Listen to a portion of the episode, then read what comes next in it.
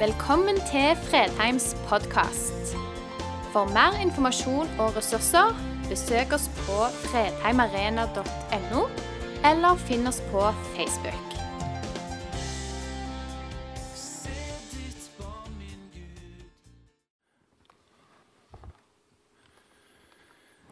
Veldig kjekt å være her igjen, selv om vi ikke er så veldig mange her i dag. Hadde det vært eh, mange i salen, da, så kan det nok være jeg hadde bedt dem å synge bursdagssangen for deg, Silje. Men, men siden det ikke er det, så får jeg heller bare be dem om at de får spille inn og sende til deg på video etterpå. Så da er den oppfordringen gikk.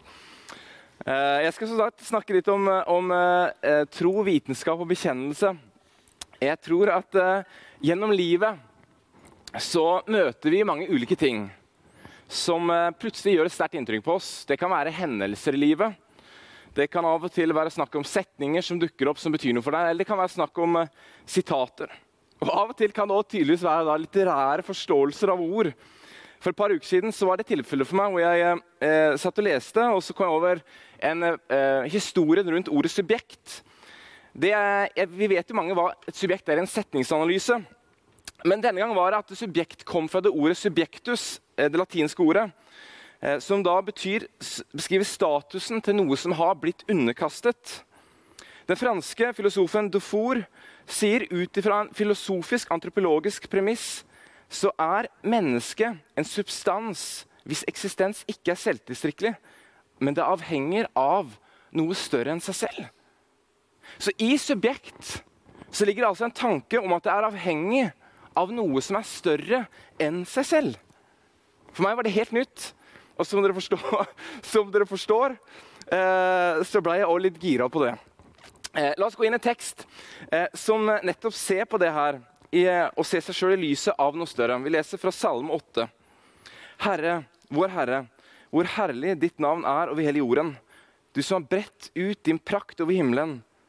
Fra småbarns og spedbarns munn har du reist et vern mot dem som står deg imot, for å gjøre ende på fienden og hevneren. Når jeg ser din himmel, et verk av dine fingre. Månen og stjernene som du har satt der. Hva er da et menneske? At du husker på det. Et menneskebarn, at du tar deg av det. Du setter ham lite lavere enn Gud og kronet ham med herlighet og ære. Det er få tekster som jeg opplever klarer å løfte Guds storhet opp på det nivået som Salme 80 gjør, samtidig som den viser vår avhengighet til Gud og hans ønske om en relasjon med oss. Hvordan han har plassert oss i skapverket. Og I møte med det han har skapt, så kan vi bli slått av beundring. Men vi kan òg bli usikre, særlig kanskje i møte med vitenskapen og teknologien. og alt det, så kan vi bli usikre. Hvordan henger alt dette sammen, Gud? Noen kan bli også usikre på er egentlig vitenskapen imot meg fordi jeg er kristen. Er det en motsetning her? Så kanskje løser vi det med å bli mer eller mindre anonyme for å sikre oss at vi ikke ser ut som vi henger i en svunnen tid. Det er mitt håp at den talen her i dag skal gi oss en større frimodighet. For at den troen vi bærer, kan faktisk begrunnes like sterkt som kanskje kollegaen din sin ateisme, som hevder å følge vitenskapen. Noen av vitenskapsmennene på 17-, 18-, 1900-tallet trodde jo at det som nå kom ved vitenskapen, til syvende og sist kom til å eliminere Gud. Det kom til å ta hans plass. Men det skjedde jo ikke. De tok feil. Jeg vil gjerne prøve å møte den vitenskapen opp mot troen og bekjennelsen med Jesus Kristus. Vitenskapen bygger alltid på noen premisser. Den leter alltid inn i det ukjente, bygd på hypoteser, bygd på ønsket om økt kunnskap. Men det at hundrevis av millioner mennesker, muligens milliarder i 2020, sier noe om at de tror på en Gud, at hans sønn er Jesus Kristus, og de kan erfare hans tilstedeværelse, det kan faktisk ikke vitenskapen spenne bein under. Den må forholde seg til det. At her er det hundrevis av millioner mennesker som sier at den første kirke, og det den første kirke sa, og det Jesus sa om seg sjøl, det stemmer. Det har ikke forsvunnet. På tross av at vitenskapen kan si noe om at en som er død, ikke kan stå opp igjen etter tre dager, og så reise til himmelen fordi det aldri har skjedd før eller siden, så er det fortsatt hundrevis av millioner mennesker, milliarder mennesker, som sier ja, vi tror det, for vi kan erfare Gud. Vi erfarer tilstedeværelsen gjennom Hans sønn. Og vitenskapen kan ikke si utelukkende det skjedde ikke. For den har ikke metoder som kan si om Gud konsekvent eksisterer eller ikke eksisterer. Den kan ikke vite noe bestemt om det. Av og til kan vi likevel komme dit at eh, vi møter mennesker som er forundret over at vi hele tatt kan tro på Jesus. Det er jo en eventyrfortelling. Og så kan de utgi den kritikken for kanskje å være historisk eller vitenskapelig. Men faktum er jo det at vi vet ganske sikkert at Jesus har eksistert. Det er egentlig hevet over tvil historisk. Det er så mange historiske kilder som bevitner det. Og dette bekreftet også av jødiske og romerske historikere som levde rundt Jesus sin tid og tett innpå. Og ikke for å snakke om de enorme mengdene manuskripter fra Det nye testamentet, som står nærmest uten sidestykke fra den tidsepoken, hvor enkelt dateres helt tilbake til starten på andre århundre. Jo da. Vi vil selvsagt møte dem som vil latterliggjøre og tro på noe som ikke fysikkapparater, fysikkformler kan måle. Ved å hevde å ha en monopol på det vitenskapelige fordi de er sekulære. Men det er én ting som har blitt veldig tydelig for meg når jeg har lest en del vitenskapsfilosofi i det siste, så er at det ikke finnes noe som heter en verdinøytral forskning. Noe påvirker alltid utgangspunktet vårt for å gå inn og finne ut mer om noe. Ingen av oss lever i et fullstendig vakuum. Så enten vi da er sekulære på den ene siden, så vil det påvirke oss og det vi går inn i. Eller når vi er kristne på den andre siden, så må vi også tenke at det også kommer til å påvirke oss i det vi går inn i. Ikke minst bør begrepene og tankene om en såkalt mørk materie eller mørk energi, som vi egentlig ikke vet hva er, mane til en viss ydmykhet blant sekulære. For også vitenskapen baserer seg på tro. Fordi man går hele tida inn i det ukjente for å finne ut mer. Så går vi inn, prøver, feiler, danner nye hypoteser, nye teorier. Prøver, feiler, korrigerer. Det er sånn det fungerer. Det er en tro på noe, og så går en inn for å teste. Er dette sånn det faktisk fungerer? Nei vel. Da går jeg tilbake, skifter litt på teorien, prøver på nytt, går inn på nytt. Det baserer seg også på en grad av tro. Jeg kom over et sitat av eh, Nils Bohr her om dagen. Det er et navn jeg bare tidligere har hørt, men som eh, er innom en del av det jeg leser om dagen. Han er en dansk fysiker som har bidratt avgjørende til forståelsen av atomfysikken, utviklingen av kvantemekanikken og kjernefysikken. Og han sier som følger Bilder og lignelser er begreper som bølger og partikler. De gjenspeiler ikke nøyaktig den virkelige verden, men de gjør det delvis. Dette er sannsynligvis også tilfellet med problemene med metafysikken. Hvis religionen gjennom tidene har snakket i bilder, lignelser og paradokser, kan dette bare bety at det ikke er noen annen måte å tenke seg den virkeligheten de refererer til, enn gjennom bilder, lignelser og begreper. Men det betyr dermed ikke at en slik virkelighet ikke eksisterer. Litt av poenget mitt her er å få fram at vitenskapen er ikke sekulær. Vitenskap er heller ikke kristelig. Vitenskapen er hele tiden i konfrontasjon med seg sjøl. Så det vi tror er riktig i dag, kan faktisk bli motbevist i morgen gjennom nye teorier. Så vitenskap handler da kanskje heller ikke først og fremst om sannhet, men om å utvikle ny kunnskap. Så å forstå ateisme eller eh, agnostikere som mer vitenskapelig enn troende, det blir egentlig litt naivt. For de kan ikke bevise det noe mer enn det at vi kan bevise at denne personen var Guds sønn. Han sto opp fra de døde, og han lever i dag. Og vi kan kjenne det i relasjonen med ham. Så sånn sett er det underlig når vi møter disse trygge sekulære artistene som vil fremheve seg som så vitenskapelige. For de har vel så store problemer som oss med å argumentere for det. Og Vi har allerede sagt noe tidligere om at vitenskapen ville jo ta, de trodde jo at vitenskapen skulle ta Guds plass. noen av de. Men folk var jo ikke enige. Det blei ikke sånn. Troen lever videre. Også Darwin, som eh, ofte er et av de argumentene vi møter i forhold til tro, eh, han sa jo også i slutten av sin selvbiografi hvor han riktignok sier at evolusjonsteorien er utfordrende for en skapetro. Men så sier han men samtidig finner han skaperverket så fantastisk at det er vanskelig å ikke tro på en skaper. Så han hadde også en lignende opplevelse av naturen og skaperverket som salmisten i Salme 8. Skjønnheten over den bergtaren. Kan dette virkelig ha kommet fra intet? Til og med når det kommer til oppstandelse fra de døde, finnes det sterke historiske indisier. På et tidspunkt så skal Jesus ha stått opp etter sin død og møtt 500 samtidig som skal ha sett den. Paulus skriver om dette i 1. Korinterbrev 15,6. Og så skriver han etterpå av disse så lever fortsatt flesteparten. Men noen har sovnet inn. Så det var altså ikke bare tolv stykker som hevda at de hadde sett den, eller noen få flere. Det var også 500 som hadde sett den på én gang. Og når Paulus skriver dette, så lever de fortsatt. Ja, Hva tror du da skjer med de som er usikre?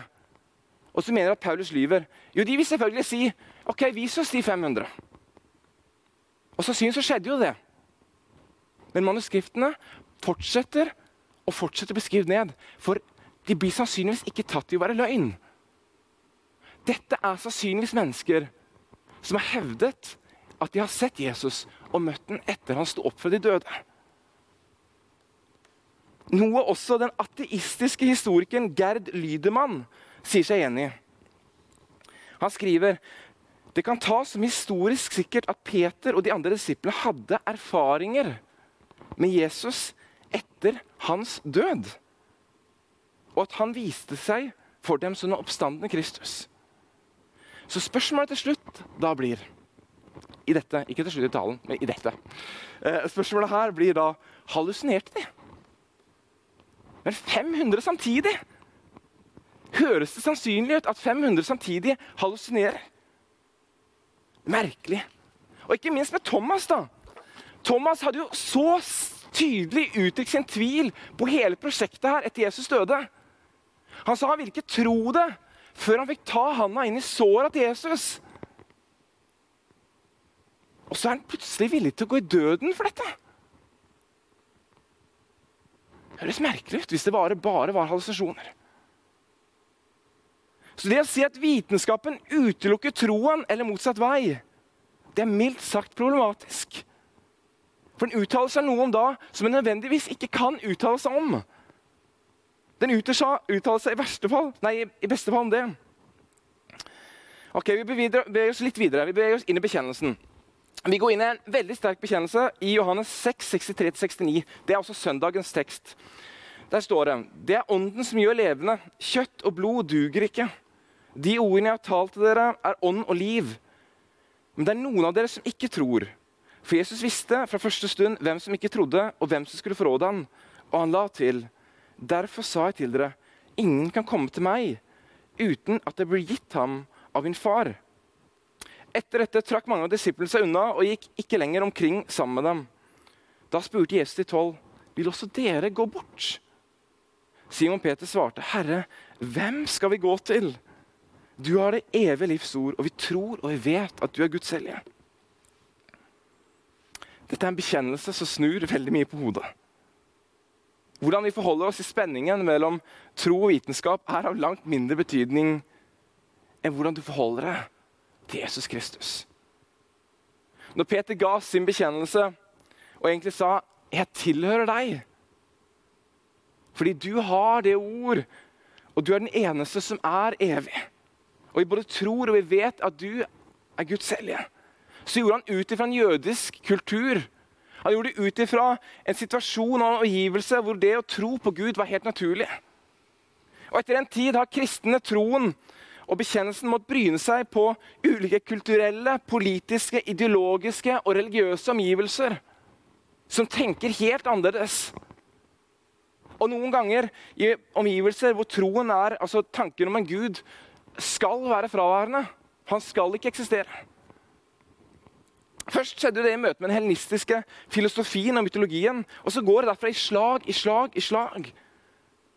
Og i vår tid bekjenner vi mer ut fra en postkristen kultur, kultur. Hvor mange forstår vitenskapen som den eneste sannhet. Men du skal ikke ha lest mye vitenskapsfilosofi før du forstår at det bildet er langt mer komplekst. Og at den naturvitenskapelige metoden kan per definisjon ikke si noe om alt.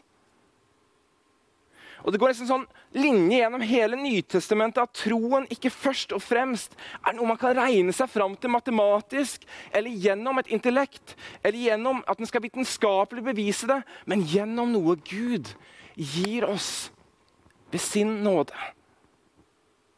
Og Godt mulig er det vi møter i denne teksten her òg. Jesus begynner å få en større og større og større krets av tilhengere. Og det står faktisk disipler. Men like før den teksten her, så, så har de et oppgjør rundt nattverden. Så det virker som at en del av undervisningen hans vekker anstøt blant en del av disiplene. Da snakker vi ikke om de tolv, men om en del av de andre. Men Jesus går ikke på kompromiss med budskapet sitt. På tross at folk ikke vil tro det og vil ha han til å justere det. Bo Giertz, som er trolig eh, en av de mest kjente lutherske teologene vi har hatt i Skandinavia noen gang, han skriver tilknyttet denne teksten Folk fikk ta imot det slik det var, ellers så fikk de forkaste det. Budskapet kom jo fra Gud sjøl. Og mange gjorde nettopp det. De forkastet det, og de forlot han. Og nå står han her da igjen med de tolv. Og så spør han de, vil også dere gå. Dere har jo hørt akkurat det samme som jeg sa til de andre. Dere kjenner sannsynligvis akkurat på de samme spenningene som de andre her, som akkurat nå er på vei vekk. Vil også dere gå? Så kommer den nydelige bekjennelsen til Peter. Og Den kom jo nettopp ut fra det Jesus sa. De ordene jeg har talt til dere, er ånd og liv. Og det er kun Gud som kan skape en tro i oss. Men han var rundt denne gjengen likevel. De som eh, trodde på en del av det han sa, men ikke ville følge ham i alt, de fulgte jo etter ham en god stund. Han var rundt dem, han lot de være rundt der. Men han gikk ikke på kompromiss med sannheten. For at de skulle bli værende. Til syvende og sist måtte de bestemme seg. Kjøper jeg den pakken her, eller gjør jeg det ikke? Og mange forlot den på det tidspunktet. Vi skal tenke oss det sjøl, må det sies det har vært en sår opplevelse òg. Du har mange rundt deg, og mange tar nå avstand. De forlater det. De vil ikke lenger følge det. Er fordi du er ikke villig til å moderere det.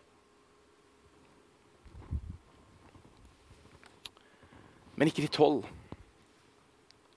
Men selv blant dem var det en som til slutt skulle forlate ham og forråde ham, og andre skulle komme i så dyp tvil at det så, var nesten usikker om kom de til å holde fast. Men de gjør det.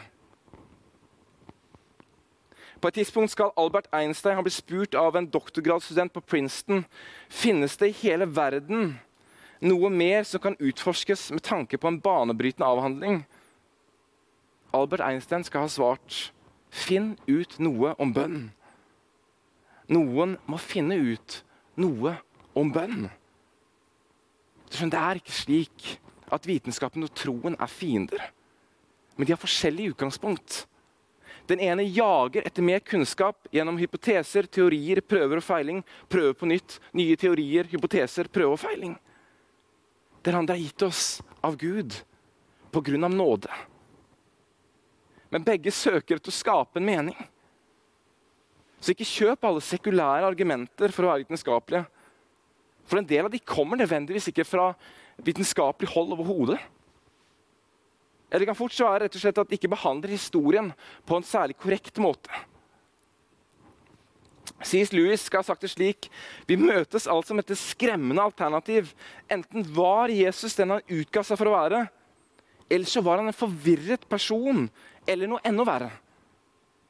C.S. Lewis ser da klart at han verken var forvirret eller ond, og konkluderer hvor merkelig og forferdende og usannsynlig det enn kan synes, så må jeg derfor godta det syn at han var Gud. Gud har landet i denne fiendtlig okkuperte verden i en menneskelig skikkelse. Jeg tror i stor grad den troen som Gud skaper i våre liv, den inntar en stor del av vår identitet. I hvert fall kan jeg tale for min egen del. Det at jeg følger etter Jesus Kristus så, godt jeg klarer. Um, det er en av de mest sentrale delene i mitt liv, og det er også en av de største gledene i mitt liv.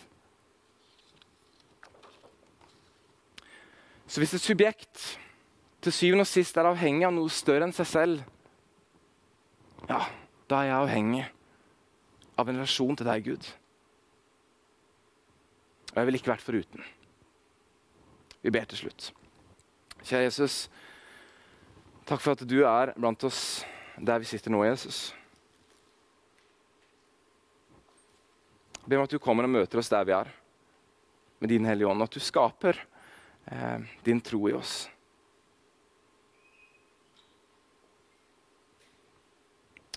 Be om din tilstedeværelse resten av dagen. Så ber jeg om de situasjonene hvor det er vanskelig å forstå Jesus, hvor vi egentlig da velger å tro ikke pga. at vi forstår, eh, men på tross at vi ikke forstår. Ber om at du er med. I Jesu navn. Amen.